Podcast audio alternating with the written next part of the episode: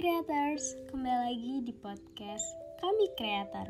Zona aman untuk berkarya tanpa batas. Bersama aku Kalif yang akan menemani beberapa menit kalian ke depannya.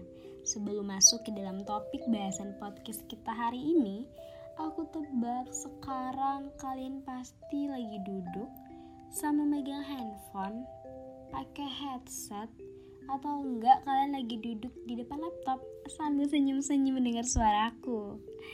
Nah, dari apa yang aku tebak tadi, pasti sebagian besar bener kan? Kalian pasti sudah merasa menyatu banget sama handphone ataupun device kalian, karena memang semua kegiatan udah melalui media elektronik. Bahkan nih, kegiatan sekolah pun sekarang sudah masuk ke dalam sistem daring juga kan, yang artinya memang kehidupan kita sekarang sudah sebagian besar bisa dikatakan masuk ke dalam ranah digital. Nah, untuk itu, sebagai seorang remaja yang hidup di dunia yang penuh dengan perkembangan ini, kita sebagai anak muda itu nggak boleh gaptek dan kita harus mau belajar untuk bisa mengembangkan ilmu baru melalui perkembangan yang ada. Salah satu yang menjadi perkembangan pesat adalah munculnya tindakan ekspresi diri melalui sosial media. Tindakan ekspresi diri itu apa gitu ya? Maksudnya tindakan ekspresi diri. Nah kita pasti gak asing banget kan dengan istilah YouTube, Spotify, TikTok, Wattpad, ataupun Instagram dari media-media itu kemudian muncul istilah baru yang kekinian deh katanya gitu. Ada istilah konten creator kalau kata anak muda zaman sekarang gitu. Dari konten creator itu kemudian muncul berbagai istilah lain. Ada yang disebut seorang youtuber podcaster author ataupun selebgram Tentu aja ya, sebagai remaja yang gak ingin ketinggalan tren dan ingin dicap sebagai seorang yang kekinian abis, pasti pernah deh terbesit tuh buat terjun ke dunia konten creator. Ya sebenarnya mungkin niat awalnya cuma pengen jokes aja bareng teman-teman, tapi kayaknya makin ke sini ya, makin banyak banget perubahan pemikiran-pemikiran untuk menjadi seorang konten creator karena remaja itu banyak banget berpikir bahwa jadi seorang content creator itu merupakan sebuah batu pijakan awal yang paling mudah untuk meraih popularitas. Ya padahal sebenarnya itu pemikiran yang salah. Mungkin mereka belum tahu ya secara mendalam tentang tugas seorang content creator itu apa dan emang sesusah apa sih menjadi seorang content creator.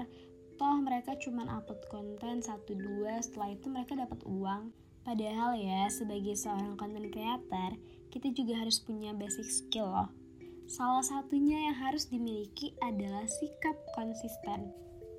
Konsisten. Kayaknya semua orang sering banget mention istilah konsisten. Tapi kalian tahu nggak sih sebenarnya konsisten itu apa?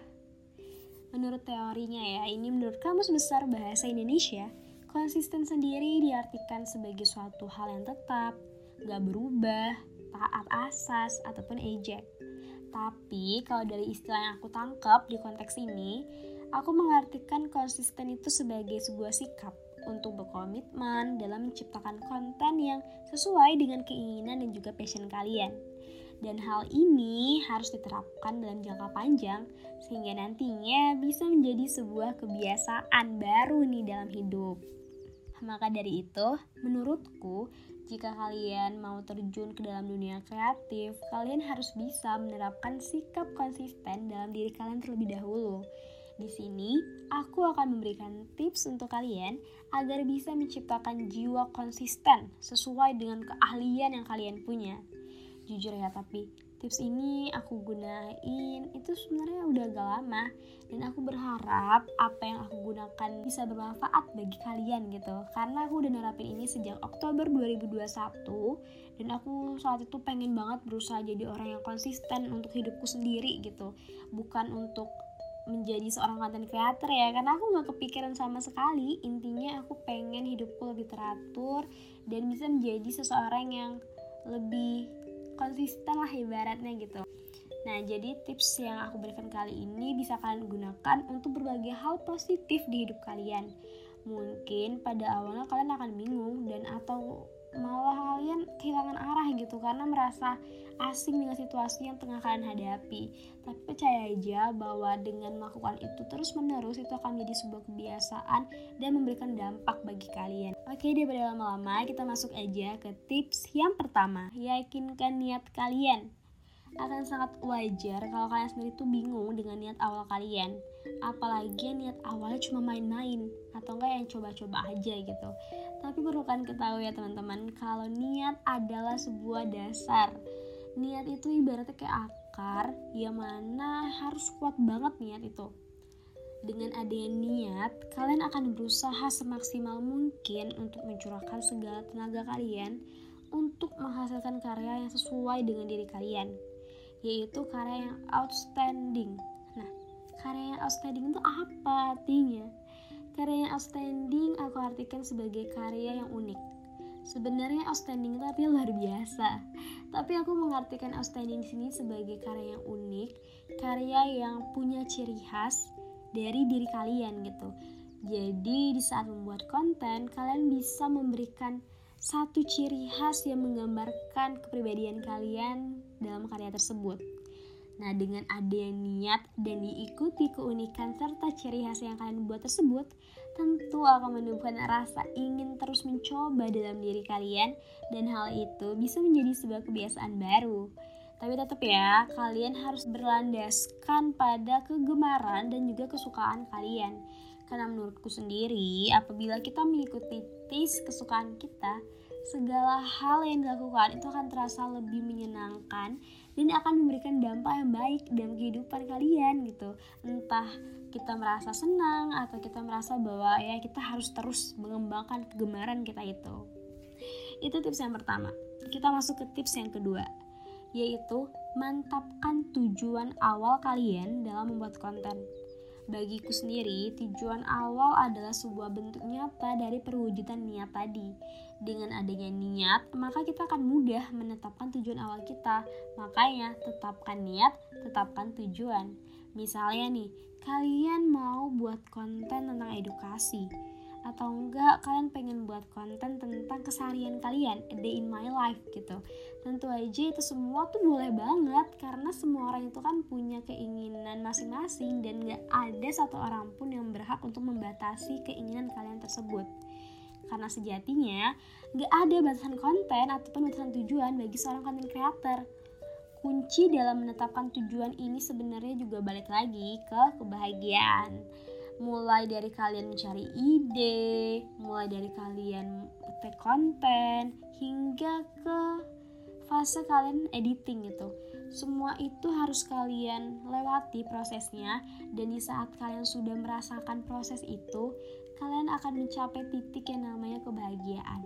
Dan itu yang selalu aku terapin dalam kehidupanku. Intinya, aku menikmati segala proses dan aku mempunyai tujuan untuk selalu bahagia. Karena apabila kalian merasa bahagia ya dalam membuat konten dan kalian menikmati segala prosesnya, itu akan memunculkan sikap konsisten dalam diri kalian gitu. Jangan pernah menganggap bahwa apa yang kalian lakukan itu adalah hal yang sia-sia.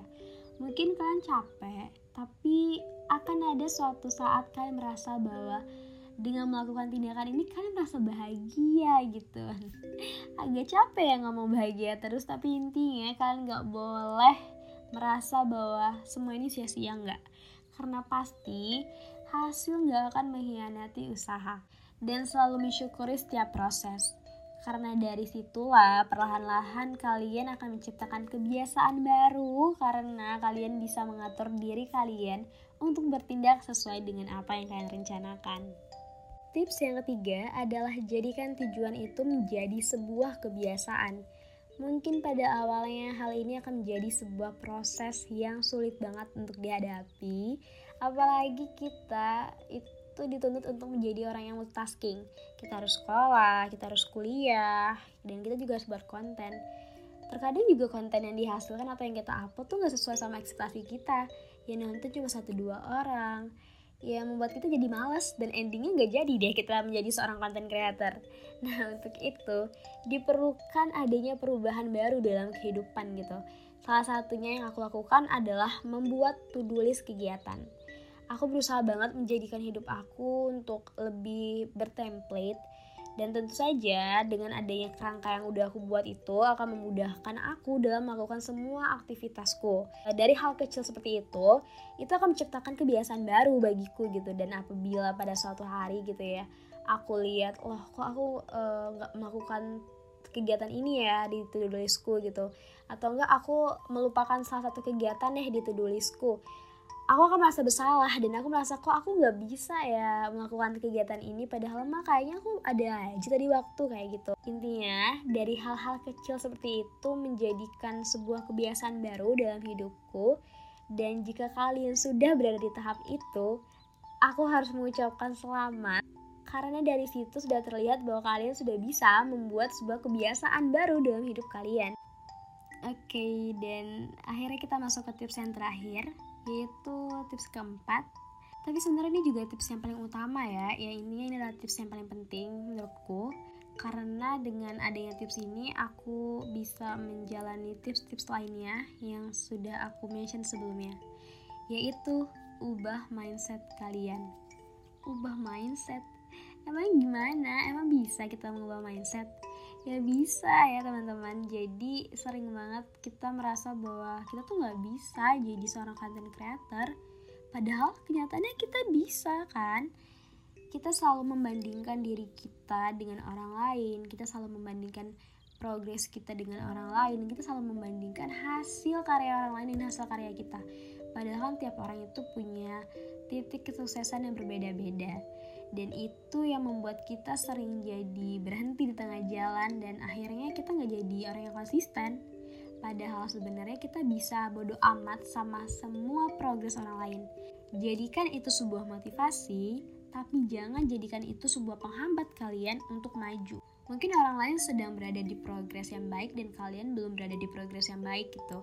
Kalian harus berpikir positif akan apa yang kalian buat di konten kalian karena sekali lagi ya, setiap orang itu kan punya proses yang berbeda dalam mendapatkan inspirasi dan dalam mendapatkan hasil yang menurut mereka sesuai.